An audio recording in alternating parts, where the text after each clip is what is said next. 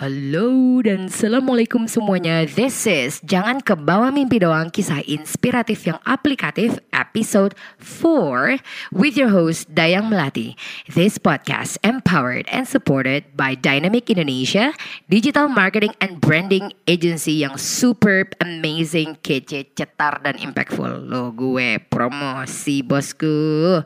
Anyway Ini udah episode 4 saudara-saudara And I would like to say thank you Thank you so much for all of the team involved to this podcast because we've been amazed with all of your um, hard work and of course the impact yang didengerin sama teman-teman yang sekarang mungkin lagi santai-santai ya lagi relax daripada nonton film Korea ya udahlah gue dengerin dulu lah Kak Dayang nih ngomong apa pula nih ya gitu jadi bahasa Pontianak pula nih orang.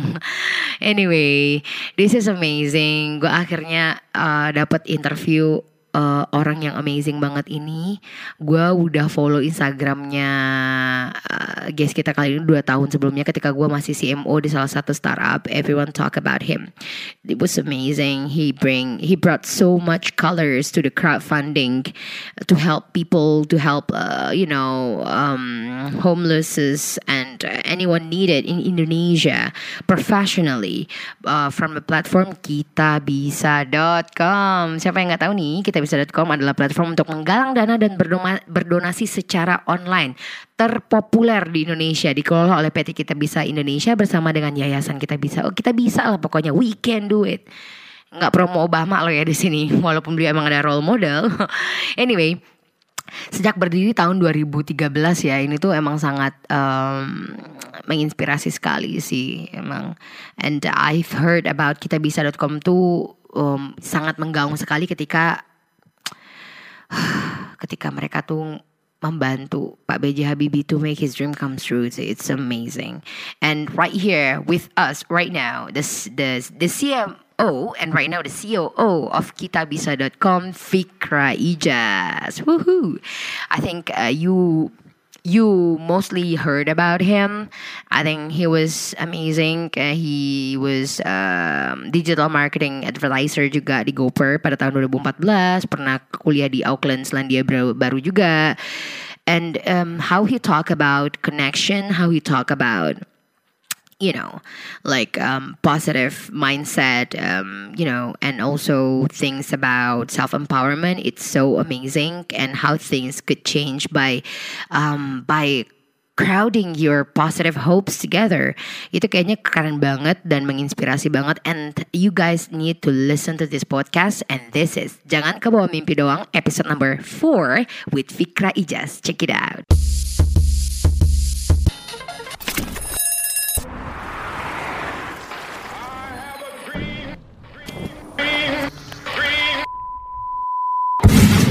Don't act like you forgot. You are listening to Jangan ke bawah mimpi dong, kisah inspiratif yang aplikatif. Okay, hello, welcome back to all the listeners out there. Selamat datang kembali teman-teman. Jangan ke bawah mimpi doang. Ada, udah episode keberapa nih kita nih? Heh, anyway, seperti yang dijanjikan, uh, kita bakal always bring a all, all the talented people yang udah kita intro tadi di depan kepada teman-teman semuanya. Dan saat ini kita punya guest yang sangat special. I think uh, ini orang yang selalu believe kayak changes, innovation itu selalu bisa dilakukan uh, secara sendiri, individual atau bersama-sama. Siapa lagi kalau bukan Fikra, co-founder dari kitabisa.com. Halo Fikra. Halo Daya, thanks for having me. Oh, thanks for accepting our invita invitation though. My pleasure, my pleasure. I know. So, lagi, di mana nih, Vic? Pas lagi, lagi di Di rumah, menjauh dari anak yang sedang mencoba tidur yang tidak mengganggu. anaknya lucu banget loh. Kalian harus check out uh, Instagramnya Fikra ya. It's uh, you know his son is so cute. Oh my gosh. Umur berapa Vic itu? Thank you. Sekarang dua setengah. Oh wow, lagi-lagi em ini ya, lagi lucu-lucunya ya kayaknya ya.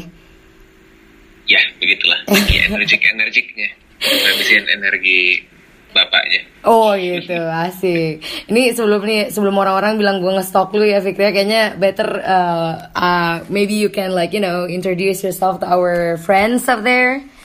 uh, to start our conversation. Oke, okay, sure. Um, halo semuanya, selamat malam. Assalamualaikum. Um, salam kenal, gue Fikra. Tadi kayak udah di intro sama Dayang. Ya, I'm one of the co-founder uh, di kitabisa.com. Um, buat teman-teman yang belum familiar, kita bisa itu platform buat uh, siapa saja bisa galang dana dan donasi secara online. Mm -hmm. um, okay, so is that all? Eh iya itu itu kode buat asking for more but anyway. ini gue udah follow Fikra tuh udah udah hampir kayak dua tahunan gitu sih guys sebenarnya. I'm really amazed dengan apa yang lo dan tim lakukan gitu ya gimana the power of crowdfunding dan niat baik seseorang tuh bisa ah impactnya sangat besar sekali kepada orang lain gitu. Yeay tepuk tangan dong buat Fikra dong. Woo. ya ini ya karena tidak terlepas dari karena orang-orang Indonesia ternyata hashtag orang baik. Mm. If not, ya nggak mungkin ya kita bisa masih bertahan hidup di tahun ke menjelang ke enamnya nih tahun ini. Wow, udah menjelang ke enam ya sekarang ya? ya iya, karena um, mm. kita mulai awal mulanya sekali itu tahun 2013. Uh, my partner CEO kita, mm -hmm. uh, Timi, yeah. dia sebenarnya mulai ini sebagai social movement gerak. Hmm, ah dulu namanya tetap kita bisa juga atau ada yang lain? Halo? Ya. Halo, halo. Iya, gimana sih? Ya. Um, dulu namanya udah kita bisa, uh -huh. tapi domainnya masih kitabisa.co.id. Oh. Um, karena dulu kitabisa.com udah ada yang punya domainnya. Mm. Nah, tapi by the way, mulai awal mulanya itu sebagai gerakan sosial -hmm. buat memfasilitasi teman-teman aktivis menggalang dana secara online karena kan ya biasanya kalau aktivis galang dana mungkin turun ke jalan mm. gitu ya, atau fundraising tertutup. Mm. Nah, kita ngelihat model crowdfunding di luar mm-hmm. uh, sangat prospektif ya dengan mem- menggunakan internet, mm-hmm. memudahkan orang untuk bisa mengumpulkan uh, niat-niat baik orang yang ingin membantu, yeah, kurang yeah, lebih yeah. kayak gitu. Mm-hmm. Jadi awal mulanya sebenarnya super simple, super humble. Mm-hmm. Uh, terus gue ketemu Timi, mm-hmm. uh, again kayaknya ada peran alam semesta karena Asik. kita dipertemukan secara sangat random. Eh, gimana tuh? oleh Prof. Renald Kasali, oh. um, beliau guru besar dosen di FEB UI ya, mm-hmm. dan kebetulan Timi dulu bekerja untuk beliau di perusahaan uh, Profesor Renald Kasali yang namanya Rumah Perubahan. Mm. Kebetulan sekali dulu gue itu main sama anaknya beliau, jadi pas lagi di Rumah Perubahan, mm-hmm. dikenalin lah sama Timi, kenal lah sama kita bisa Hmm, okay. Singkat cerita, hmm? ya udah di luar situ ngobrol-ngobrol-ngobrol-ngobrol. Uh, pada satu titik kita memutuskan ya udah deh, yuk kita coba apa? Uh, kita coba running ini secara full time yuk partneran. Mm-hmm. Toh kalau misalnya ini gagal, ya udah tinggal balik kerja lagi aja gitu kan masih muda anyway. Yeah, yeah. Oh. Alhamdulillah keterusan lima tahunan kemudian. Wow, so, jadi lu salah satu founding team juga ya berarti ya? Yes, uh, hmm. jadi waktu itu soalnya Timi waktu founding ini rame tuh ada beberapa teman-teman, tapi hmm. semuanya memilih jalur lain. Hmm. Jadi selama kita bisa masih menjadi gerakan sosial, uh, Timi more or less kerjaan ini ya sendirilah ada timnya yeah. satu orang. Hmm. Nah waktu kita decide full time, barulah kita join. Di situ akhirnya kita berdua hmm. uh, tambah satu tim kita yang awal sekali. Hmm. Uh, yaitu awal mula akhirnya kita bisa dijalankan secara full time. Oke, okay, wow, amazing. Tapi ini lu kan lulusan dari Auckland ya, dari Selandia Baru gitu. Jauh-jauh dari Selandia Baru ke Indonesia waktu itu emang udah langsung temenan sama anaknya si profesional bah, gue jadi Arab gini sih langsung kenalan gitu terus langsung apakah alam semesta emang udah gitu, apa namanya menentukan skenario yang seperti itu setelah lu balik atau kayak gimana? Uh, ya more or less sih karena gue pun balik waktu itu dari New Zealand karena dapat mm. kerjaan uh, gue kebetulan kerja di perusahaan di New Zealand yang mm. ekspansi ke Indonesia jadi gue pulangnya mm. in short dibayarin tiketnya sama perusahaan tapi waktu kebetulan di perusahaan tersebut gue jadi banyak belajar tentang uh, ya ini ya industri teknologi slash startupnya di Indonesia yang mm-hmm. uh, ya sangat exciting tapi dulu sebenarnya belum terlalu beken sih setelah yeah. startupnya tahun 2012 2013 mm-hmm. nah Hmm. Barulah terus 2000 um, 13 akhir tuh kalau nggak salah ketemu kenalan sama Timi. Mm -hmm. 2014 pertengahan baru kita akhirnya decide untuk nyebur terjun mm -hmm. full time. Iya yeah, iya yeah, iya. Yeah. Wah, amazing. Uh, tahu gak sih, Vic? Ini mungkin uh, pertanyaan banyak orang juga kali ya pas waktu memulai. Apalagi kita kan pengen cerita-cerita nih, biar nggak cuman cerita-cerita yang bisa aplikatif gitu kan ya. Nggak cuman inspirasi-inspirasi, terus pas mereka bangun dari mimpinya, eh udah deh gitu lagi gitu kan. Uh, sure jadi orang banyak nih sekarang mungkin setelah hype-nya dari kita bisa.com atau ada berbagai macam brand-brand lain di luar sana yang mempunyai niat baik juga gitu kan. Uh, they probably have solved the same problem, you know, like trying to crowdfund atau segala macam. Masih ada orang yang turun-turun ke jalan gitu apabila nih kita yang para pendengar di sana tuh berpikir gitu loh kayak ya gimana ya gue pengen bikin suatu usaha atau suatu gerakan atau movement tapi ternyata udah ada yang lain yang bikin gimana sih to keep you going and outstanding and keeping keeping it up until five years seperti sekarang ini wow pertanyaannya Wow. Berat nih, tapi aduh, nggak sesuai okay. janji nih si Dayang. um, personally buat gue mm-hmm. it's never about ini ya ngelihat oh udah ada sama-sama kita ya tapi mm. lebih soal sebenarnya kita bikin ini untuk siapa mm. jadi balik lagi waktu kita mulai sebenarnya crowdfunding bukan ide yang baru bukan ide yang original yeah. konsepnya secara konsep luhurnya dari zaman bah, uh, zaman dahulu kala juga orang Indonesia sudah gotong royong patungan yeah. urunan mm -hmm.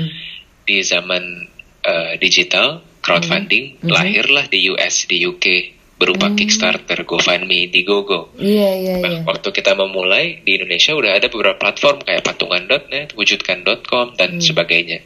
Mm -hmm. Nah, buat kita waktu itu simple sih. Kita pengen ngasih sebuah wadah buat orang. Um, kita ngeliat gini, Indonesia itu eh, ini udah klasik lah ya kan berbagai potensi katanya orangnya kreatif. Gitu. Mm. Cuman kok sering kali sepertinya ada aura ini ya hopelessness gitu orang seperti tidak punya hope.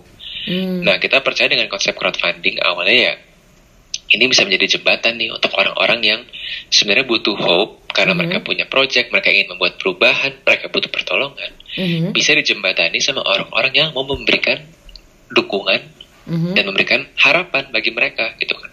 Hmm. Bentuk konkretnya dulu macam-macam kita awal awal mulanya kita bisa tuh bisa donasi, bisa hmm. jadi relawan, bisa ngasih ide. Yeah. Tapi ya akhirnya yang kita pelajarin kalau nggak fokus orang juga agak bingung sebenarnya ini tempat buat ngapain sih gitu. Hmm. Di situlah bisa kita memutuskan let mari kita fokus ke donasi dulu deh karena hmm. setidaknya kalau uang hmm. uh, lebih mudah diukurnya dampaknya. Yeah. Orang butuh uang sekian terkumpul sekian berarti kan udah tuh berdampak sesuai kebutuhannya tercapai hmm. kayak gitu jadi um, ya along the way sambil perjalanan tentu ada teman-teman lain yang memulai crowdfunding yang serupa buat hmm. kita sebenarnya kompetisinya tuh bukan itu iya tentu dalam konteks level bisnisnya kompetisi iya tapi hmm. dalam level makronya level besarnya kita sebenarnya sama-sama lagi berkompetisi melawan hmm put keputusasaan karena nggak ada solusi gitu loh. Ketika orang butuh bantuan, ketika hmm. orang punya uh, harapan tapi hmm. nggak hmm. tahu siapa yang mau dukung dia, siapa yang mau bantu dia, hmm. gitu. Oke. Okay, okay. So akhirnya gitu deh. Meskipun secara praktek tentu kalau ada hmm. website platform serupa berarti mereka adalah kompetisi ini, hmm. tapi secara makro kita melihat sebenarnya kita lagi berjuang bersama nih, hmm. menyediakan solusi buat teman-teman di luar sana yang sedang butuh harapan untuk yeah. dijembatani dengan orang-orang baik yang ingin memberi harapan. Wow, sesimpel emang pengen create hopes gitu ya, Vick ya? Ya kita sebel lah kalau internet dipakai buat netizen saling nyinyir dan bully aja kan. Kita kan ngasih ingat Indonesia tuh nggak gitu kok. iya iya iya iya, menarik nih. Uh, wow, aku tuh sebenarnya uh, personally ya selalu amazed dengan teman-teman yang socialpreneur kayak gitu ya, emang terutama salah satunya kita bisa.com gitu kan Cuma hmm. nih yang pengen uh, pengen kita denger nih ceritanya Vic. Uh, kamu kan pertama memulai karir ini emang dari koneksi ya istilahnya ya. Kayak somehow berada di lingkungan di lingkungannya uh, profesor itu dan ketemu dengan uh, yang sekarang CEO-nya kita bisa.com dan yep. uh, apa sih uh, apa namanya tuh gimana ya ngomongnya ya kayak kadang kadang-kadang tuh orang tuh punya ide tapi lingkungannya nggak mendukung apakah itu cuma sekadar excuse atau gimana sih lu bisa ceritain nggak ada polanya nggak sih seperti itu sehingga lu bisa nemuin uh, mengubah be, apa mempunyai pola pikir yang seperti itu sehingga di shape dengan orang-orang bertemu dengan orang-orang seperti itu ada nggak sih Fik? Sure. Um, gue akan ngomong dari dua sisi. Mm. Sisi realis gue akan bilang bahwa tidak bisa dipungkiri network akan memberikan leverage yang banyak bagi kita, akan mm. memberikan suatu apa ya uh, daya ungkit lah ya apa itu leverage ya. ya basically ketika mm. kita memiliki network tentu seperti kita diberikan kemudahan. Mm. Itu uh, ya contoh kalau gue mungkin tidak kenal dengan Prof Renal tidak akan ketemu tim tidak akan mm.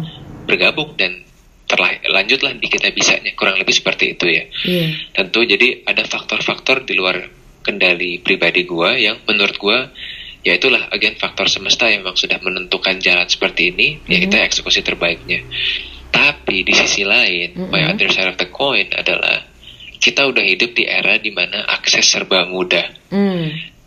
kita udah hidup di era internet yeah. everything kayak nggak tahu nih sekarang lu nelpon gue mungkin ngerekamnya pakai handphone gitu kan so yeah. there's no there shouldn't be any excuse untuk orang-orang yang bisa megang sebuah smartphone mm-hmm. untuk misalnya bilang aduh gimana sih caranya untuk bikin podcast untuk uh, bikin YouTube channel mm-hmm. atau menjadi uh, apa namanya at least pedagang mm-hmm. atau penjual online sista-sista atau pelapor gitu kan.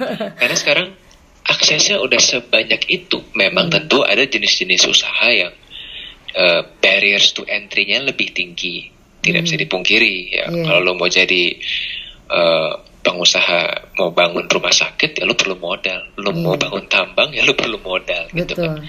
Tapi untuk uh, this new wave of businesses atau opportunities mm-hmm. yang didorong oleh revolusi digital, yeah menurut gue ini sangat membuka akses buat uh, siapa saja selama mereka memiliki smartphone dan memiliki akses ke internet hmm. gitu um, dan ya itu sekarang banyak kan terlahir profesi-profesi yang bisa dilakukan oleh siapa saja mm-hmm. bahkan kerja dari mana saja betul gitu yeah, whether yeah. you're an content creator mm-hmm. gitu kan um, lo di mana di Pontianak gitu kan di iya. YouTube yeah. juga banyak kan youtuber-youtuber di hmm. luar kota besar ya atau di luar etis di luar DKI deh Jakarta hmm. yang made it big juga iya um, di Kalimantan tuh ada siapa namanya Agung Hapsah kan kalau nggak salah dia orang iya, Kalimantan dari Kaltim tuh dia mm exactly jadi um, sekali lagi di satu sisi gue tidak memungkiri bahwa memang ada faktor misalnya tadi lo lo muncul lo dapat jatah lotre kehidupan di lingkungan mana iya oke okay, ada faktor hmm. itu yeah. tapi di sisi lain buat kita kita yang lagi hidup di zaman sekarang Asik. this is it this is the best time kalau lihat masa lalu mungkin mm-hmm. orang tua kita kakek nenek kita masih bisa excuse mm-hmm. ya dulu gue harus kerja kayak gini udah disuruh orang tua masuk ke sini nggak ada punya opsi lain gitu mm-hmm. kan iya yeah, iya yeah. nah ini ya gue senada lah sama guru ngaji gue namanya Asik. Gary Vaynerchuk. Aduh, Mas Bro, sama ternyata guru ngaji kita. halo? ternyata gurunya. Aduh. Halo. Iya halo. Ya ketawanya ya. ke kepotong. gue kira lu nggak ketawa di sana tadi. Gak apa-apa deh, jadi lebih jaim kan. Yo. Oke. Oke. Jadi um, iya kemarin pas banget kan uh, Gary V baru banget dari Jakarta ya yeah. uh, weekend kemarin. Iya, lu datang juga ya kemarin ya? Datang datang ke acara uh, si apa Joska itu ya iya. forward. Uh, uh, nah, ya dia ngulang-ulang lagi sih sama pesannya itu. Iya. Kalau kakek nenek atau even bapak ibu kita tuh bisa punya excuse dulu karena harus ngidupin keluarga jadi ya udah full dia bekerja. Kalau hmm. sekarang buat teman-teman yang uh, lagi sambil bekerja tapi ingin let's say menjadi pengusaha, ingin menjadi content creator, mm. sangat bisa dijalankan berparalel gitu kan dengan mm. smartphone kita. Gitu. Jadi sekali lagi ya opportunity di zaman digital ini sangat jauh lebih luas terbuka. Mm -hmm. So I hope semua teman-teman yang mendengar ini ya again tidak kebawa mimpi. Yeah. Seize the opportunity. Exactly. Wow. That's a golden nugget. Jadi uh, emang ada ya, eager to network dan juga emang um, apa tuh tadi uh, memanfaatkan teknologi gitu ya to yep. to reach that I think so totally agree about that tapi kalau ini uh, gimana ya lu ngelihat um, apa namanya kita tadi udah touch up tentang um, menggunakan resources yang ada dengan uh, saat ini kan di Indonesia dan di, di di era kita gitu. What about winning up the competition gitu loh. Impresif sekali kan yang dari portofolio kita bisa.com satu satu hal yang selalu gue ingat adalah karena juga gue juga adalah fans beratnya Pak uh, eh, BJ Habibie gitu kan. When he launched that product and use your platform gitu loh instead of like others gitu. Bisa gak sih sharing-sharing ke kita, Fik? Oke. Okay. Uh, oh ini kirain lu nggak ada tadi. Uh, bisa nggak sih sharing-sharing ke kita how to stand up gitu loh, how to stand out sorry uh, from from others so that uh, you can be more useful gitu kali ya uh, dan lebih dikenal gitu dengan de, dengan banyaknya kompetisi yang sekarang karena barrier to entry-nya udah bisa dibilang nggak ada gitu kan. Right. I think um, kata kuncinya adalah kita harus um, walk the talk dan talk the walk gitu ya dalam mm. artian ya lo harus jago jualan memang pasti mm-hmm. kita harus bisa uh, menjalin hubungan kita mm-hmm. bisa meyakinkan seseorang mm-hmm. tapi nggak cukup di situ aja karena mm-hmm. kalau nggak ya kita jadi con artis kan con mm. man um, kita harus juga bisa membuktikan bahwa kita bisa eksekusi mm. jadi uh, dalam hal ini I think salah satu pelajaran di kita bisa adalah kita um, selalu mengambil kesem apa namanya kesempatan untuk menunjukkan bahwa kita bisa mendeliver sesuatu. Misalnya mm. contoh awal, mm. waktu kita bisa baru berdiri, relatif reputasinya masih tidak dikenal siapa-siapa, yeah. kita berkesempatan waktu itu pitching ke uh, Palang Merah Indonesia. Mm -hmm. Nah, uh, dapat intronya dari jadi sekali lagi tadi gue tidak mungkiri ya memang network itu penting. Yoi. Tapi di, selain itu mm-hmm. tetap kita mesti punya uh, kemampuan untuk meyakinkan bahwa mm-hmm. kita ini bocah-bocah yang lagi memulai sebuah platform startup mm-hmm. bisa mengeksekusi project yang uh, diberikan. Yeah. Pada saat itu galang dana untuk uh, apa apa namanya uh, bus donor darah mm. uh, dari publik. Biasanya yeah. kan yang sponsor perusahaan. Nah pada saat itu target yang dipatok 500 juta buat kami sangat-sangat besar. Yeah. Karena waktu online mungkin belum ada yang sampai 500 juta projectnya. Mm -hmm. Tapi kita coba jalankan, mm -hmm. iya kita mati-matian ya ingin buktikan bahwa itu tercapai dan alhamdulillah meskipun sedikit waktunya lebih panjang dari yang diperkirakan tapi tercapai targetnya 500 itu, juta campaign 500 juta wow. untuk salah satu itu project terbesar kita pertama kali tahun 2014-15 mm-hmm. ini sangat-sangat awal. Yeah. Nah, jadi mindset itu sih yang uh, balik lagi kan kalau ke guru ngaji Ustadz Gary, uh, yang menurut gue berkesan banget dari dia tuh dia punya prinsip kan 5149 ya. Jadi dalam berinteraksi dan berhubungan dengan siapa pun mm-hmm. sebisa mungkin katanya upayakan bahwa lu membawakan 51% dari values di relationship tersebut. Mm-hmm. Jadi lu selalu memberikan lebih gitu. Mm-hmm. Nah itu uh, macam-macam bahasanya ada extra miles atau mm-hmm. um, uh, ya, ya hustle dan dan lain-lain. Mm-hmm. Itu yang kita coba tanamkan lah bahwa mm-hmm. sebenarnya uh, culture extra miles ini yang harus kita berikan. Mm-hmm. Dari sini karena kita percaya pekerjaan kita uh, akan ikut membantu doing the talk. Jadi nggak cuma kita aja yang terus jualan, tapi hasil kerja kita mm. juga akan dijadikan uh, jika bagus tentu orang yang bekerja atau ber, bermitra dengan kita atau puas dengan uh, pelayanan pekerjaan kita ya pasti dia akan merekomendasi ke pihak-pihak lain kan. Iya iya. That's how we got to Pak Habibie. Hmm. Jadi kita sebenarnya hmm. tidak pitching ke beliau, okay. tapi pihak beliau yang datang ke kita bisa untuk project yang R80. Wow, that's amazing. Fik, gue pengen ini nih, Fik, pengen uh, nanya ini, uh, ngulas, ngulik lagi. Tadi kan kita ngomong yang kayak uh, walk the talk gitu kan. Pernah juga tuh gue baca satu artikel tentang uh, uh, how people, um, why people choose to buy to uh, to, uh, to somebody or to some services instead of like others where they are like they are red ocean atau udah emang udah banyak yang jualan tapi kenapa dia memilih kamu? Karena ternyata katanya dari research mengatakan uh, untuk nge, uh, karena dia emang udah percaya katanya dengan spesifik uh, branding atau produk tersebut yang dijual oleh orang itu gitu loh.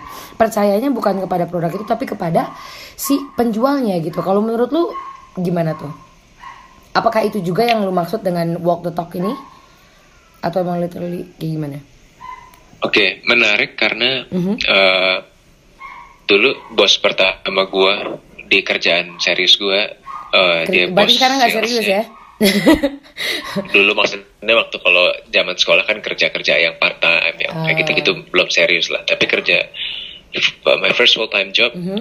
dulu gue di bidang di divisi sales dan mm -hmm. dia mm-hmm. bilang orang tuh beli produk lo mm -hmm. karena dua alasan okay. mereka suka sama lo atau mereka mau atau mereka pengen jadi kayak lo jadi either they like you or they want to be like you wow nah, oke okay Nah ini menurut gue cukup profound sih uh, mm-hmm. insight-nya ya dari yeah. dia. Jadi ya kita diajarin bahwa waktu di awal nih um, tidak bisa dipungkiri ya brand lu belum dikenal orang akan lihat siapa sih behind the brand. Mm-hmm.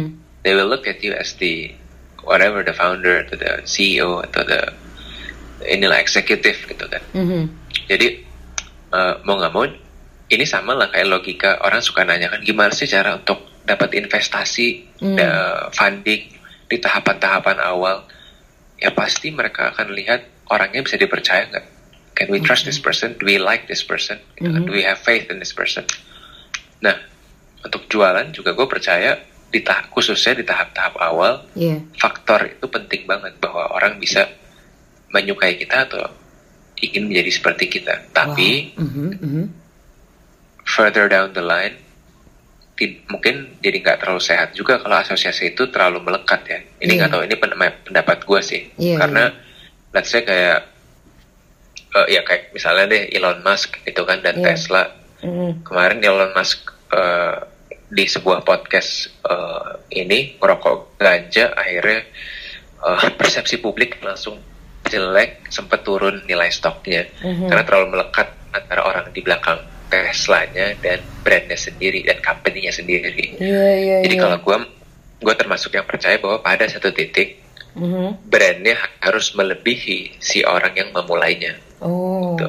okay. Itu uh, kata kunci untuk keberlangsungan dari perusahaan. Karena kalau mm. misalnya uh, orang ya sangat prone to make mistake kan, yeah. sumbernya segala kekhilafan bisa berbuat salah dan bisa ngebawa jatuh perusahaannya. Tapi kalau perusahaannya udah mau secara brand membangun trust, mm-hmm. secara produk atau service memang menyediakan uh, value yang baik, yeah. nilai tambah yang bagus, mm-hmm. ya niscaya gue yakin foundersnya berbuat kesalahan pun orang akan memisahkan bahwa oh itu si foundernya foundernya, yeah. tapi brandnya brandnya, mm. gitu.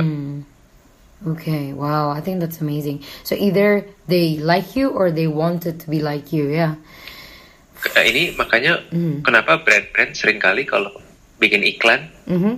bikin persepsi kan oh kalau orang pakai parfum ini kira-kira kayak gini image-nya oh kalau mm. orang pakai fashion item ini persepsinya kayak gini oh kalau orang konsumsi makanan ini kayak gini jadi kan dia membuat sebuah persepsi sehingga mm-hmm. ya udah customer merasa oh kalau gue konsumsi produk A maka gue akan seperti si B ya itu kan yeah. strateginya sama sebenarnya kan mm-hmm. yeah. so dan hal brand pun gue ngelihat mirip sih ya lo bikin brand lo disukai atau bikin orang bisa punya persepsi kalau dia pakai produk atau jasa itu dia orang yang kayak gimana sih gitu. wow wow Wow, that's such a golden nugget. Gue pengen highlight itu banget sih itu kayaknya. I think we should like quote by gitu ya. Bisa gak sih enggak ya? Kalau gue juga pasti ini nyomot somewhere tapi gue yeah. inget aja. wow, know that's that's nice. So come back again to story kita tadi ya. Ini gue ingat aja gitu tiba-tiba tentang trust itu. Uh, to stand out in the in in the crowd tadi kan kita ngobrol bahwa um, you have to walk the talk gitu kan ya. And to see to create like uh, orang tuh bisa juga loh ternyata ngelihat gimana sih ternyata emang ada hasilnya gitu ya Fik ya. Hmm di tengah-tengahnya. Nah, ini sekarang nih Vic yang mungkin yang denger-denger podcast kita sekarang nih para listener sekarang ini nih uh, mereka tuh udah probably they already have this vibe, you know, they already have this motivations. Okay, I'm gonna I'm gonna I'm gonna, you know, like uh, put my effort and my motivation, gue bakal belajar ini segala macem gitu kan untuk uh, untuk membuat gue membuat diri gue skillful and capable untuk start a business or project or campaign gitu. Bisa nggak diceritain ke kita when you start to be to you know in kitabisa.com gitu apa sih disiplin-disiplin diri yang seharusnya kita juga adapt gitu pas pertama-tama gini? Hmm. Hmm. Oke. Okay. Iya langsung langsung throwback ya bro. throwback. Oke. Okay. Sampai hari ini pun di kita bisa kita punya empat core values yang kita uh, tanamkan juga ya ke hmm. tim. Yeah. Yang pertama adalah uh, doers. Doers itu kita percaya ini values tentang hard working, tentang extra miles. Mm-hmm. Bahwasanya yang membedakan uh, Usain Bolt pelari tercepat uh, sprinter ya mm-hmm. versus nomor 2 hanyalah 0,02 detik. Yeah. Jadi that 0,02 itu membedakan world champion yang diingat namanya sama number 2. So mm-hmm. doers is number one. Well ini udah harusnya kalau anak startup sih udah pakem lah ya, hustling, work hard, iya, iya iya. yeah, yeah. Nah yang kedua itu um, curiosity, be hmm. curious. Ini yang menurut gue pribadi um, kita kalau di sekolah umumnya mungkin zaman dulu ya kalau di Indonesia tuh kurang dilatih buat curious karena hmm. dikasih jawaban pasti kan. Yeah, yeah. Nah curious ini termasuk juga terhadap diri sendiri. Jadi gimana sih cara kita lebih baik? Mm. Gitu. Gimana kalau kita dikasih kritik bukannya defensif tapi curious? Mm. Maksudnya gimana ya? So how do I get better? Gitu. Yeah. Ini prinsip yang uh, gue sangat senang. Jadi kalau dikasih feedback, dikasih masukan mm-hmm. atau bahkan dimarahin itu kita anggap sebagai hadiah. Mm-hmm. Karena kalau kita curious, kita akan mau tahu kan yeah. how we can get better. Mm-hmm. Nah, yang ketiga itu fearless. Ini juga sebuah nilai yang mm-hmm. gue ngeliat kalau orang anak-anak Indonesia sekarang sih makin kuat. Tapi yeah. kalau yang umumnya zaman mungkin zaman gue um, fearlessness ini juga hal yang tidak terlalu ditanamkan dari kecil karena kita mm. dibiasakan patuh, tunduk, mm. hormat, which is hal yang bagus juga. Tapi mm. akhirnya minusnya kita sering kali tidak berani proaktif, mm. tidak berani inisiatif, takut salah. Nah hal-hal ini yang padahal dari kesalahan, hanya dari kesalahan sebenarnya bukan hanya, tapi mm. dari kesalahan lah sering kali pelajaran paling berharga itu datang. Iya. Yeah, gitu. So, don't be afraid to make mistakes as long as you learn. Gue selalu kasih disclaimer sih. Kalau nggak orang punya excuse kan katanya don't be afraid to make mistake mm-hmm. selama lo belajar. Mm-hmm. Nah, um, terus kalau yang setelah apa namanya setelah fearless yang terakhir yang sangat kita bisa adalah kindness. Mm. Karena kita percaya ya udah lu bisa jadi orang yang paling hardworking, orang paling sukses, tapi di dunia ini pada akhirnya butuh orang yang kind, butuh orang yang mau menolong orang lain mm-hmm. uh, dan tidak hanya kain kepada orang lain tapi juga kain kepada diri sendiri karena gimana kita mau bisa menjadi ver, um, apa namanya bermanfaat bagi orang banyak kalau mm-hmm. kita uh, masih banyak masalah dengan diri kita sendiri juga masih tidak menerima dengan uh, diri kita yang ada sekarang jadi kindness itu uh, 360 degree lah istilahnya mm -hmm. kindness keluar dan kindness ke dalam ke dalam diri ya empat mm. ini sih yang menurut gue nilai-nilai atau tadi kalau lo bahasa disiplin mm -hmm. yang menurut gue bisa ditanamkan sama siapa pun di fase mana pun dan termasuk buat gue pribadi hari ini ya itu juga nilai yang terus gue evaluasi diri gue mana yang kurang gitu. Mm -hmm. Wow, oke, okay. wow. So it was like uh, first uh, doers gitu ya. And um, ya gue lupa deh nge-reverse lagi. Doers, values. Doers, curiosity, curiosity uh, fearless. fearless, fearlessness sama uh-huh. yang terakhir kindness. Kindness, wah cocok banget sama kita bisa.com ya, kindness. Wow, amazing. Aku sedikit curious nih, Vic, yang yang untuk apa tuh namanya um, dari campaign yang paling memorable malu apa ya? Dari selama lima tahun di kita bisa.com ini apa ya? Yang sangat memorable gitu. Ya, ini pertanyaan yang selalu gue jawab dengan banyak banget sih karena every single Same every answer. single happy story itu buat gue sangat memorable karena mm. back again ya ini again showing bahwa di Indonesia terlepas latar belakang kita tuh mm. kalau ada tujuan untuk bantu seseorang mm. itu hmm. gercep kok gitu bisa banget bersatu mm. nah mungkin kalau yang memorable banget salah salah satu storynya um, dulu pernah kunjungin ke salah satu rumah sakit ketemu mm. ada namanya Mbak Pipit mm. um, yang anaknya terlahir uh, premature oke okay. uh, eh sorry bukan premature dia punya kondisi uh, sorry usus ileus ya uh, kelainan di usus. Nah hmm. ususnya akhirnya, keluar gitu atau gimana? Uh, harus dirawat. Uh -huh. Terus for some reason uh, uh, belum belum BPJS untuk anaknya ya yeah. kalau dia sendiri sudah. -huh. Jadi billsnya piling up kan, apa biaya -huh. menumpuk gitu. -huh. Nah datang uh, uh, terus waktu itu ya sharing tentang kita bisa, yeah. terus akhirnya beliau dan suami uh, memutuskan untuk oke okay, kita coba deh galang dana di kita bisa mm-hmm. alhamdulillah dana itu kumpul mm-hmm. uh, waktu itu buat gue touching momennya adalah kita waktu bikin community event yeah. undang beberapa orang-orang yang pernah galang dana di kita bisa donasi mm-hmm. di kita bisa dan terus uh, anak gue ketemulah sama si adik kaki ini. Umurannya deket-deketan lah. Yeah. jadi it's it's amazing to see orang yang uh, adik yang mm -hmm. ya uh, terfasilitasi terbantu melalui platform ketemu langsung dan bahkan main gitu sama anak gua di acara tersebut. Jadi that was really something for me sih ngelihat uh, that kind of impact. Wow gue tiba-tiba langsung ngebayangin gitu loh that must be very touching gitu ya yeah yeah, yeah, yeah. Mm yeah really grateful lah to be able to provide that in uh, experience for mm. for his family Yeah, yeah, yeah. Amazing, amazing. Thank you so much, yeah, Vic. That was that was a very nice story, and uh, you know, like all this um, advices. I think it's so amazing. I think we almost reach at uh, the end, sampai di penghujung ini kita nih uh, interview kita gitu kan ya. Um, you've been through like you work for people you you started movement and um, and you know at um, where you are right now it's so amazing making impact to so ma so many people in Indonesia. Ada nggak sih pesan-pesan untuk anak muda yang ingin memulai bisnis startup uh, atau bisnis uh, yang uh, untuk apa namanya socialpreneur atau just entrepreneur you know innovation tech in tech or fintech or whatsoever Is there any message that you wanna share to all of them? Okay. Um, well, I think buat teman-teman coba become obsessed with becoming a better version of yourself aja to start with ya. Jadi um, karena dan untuk bisa jadi a better version of ourselves kita mesti kenal sama diri kita.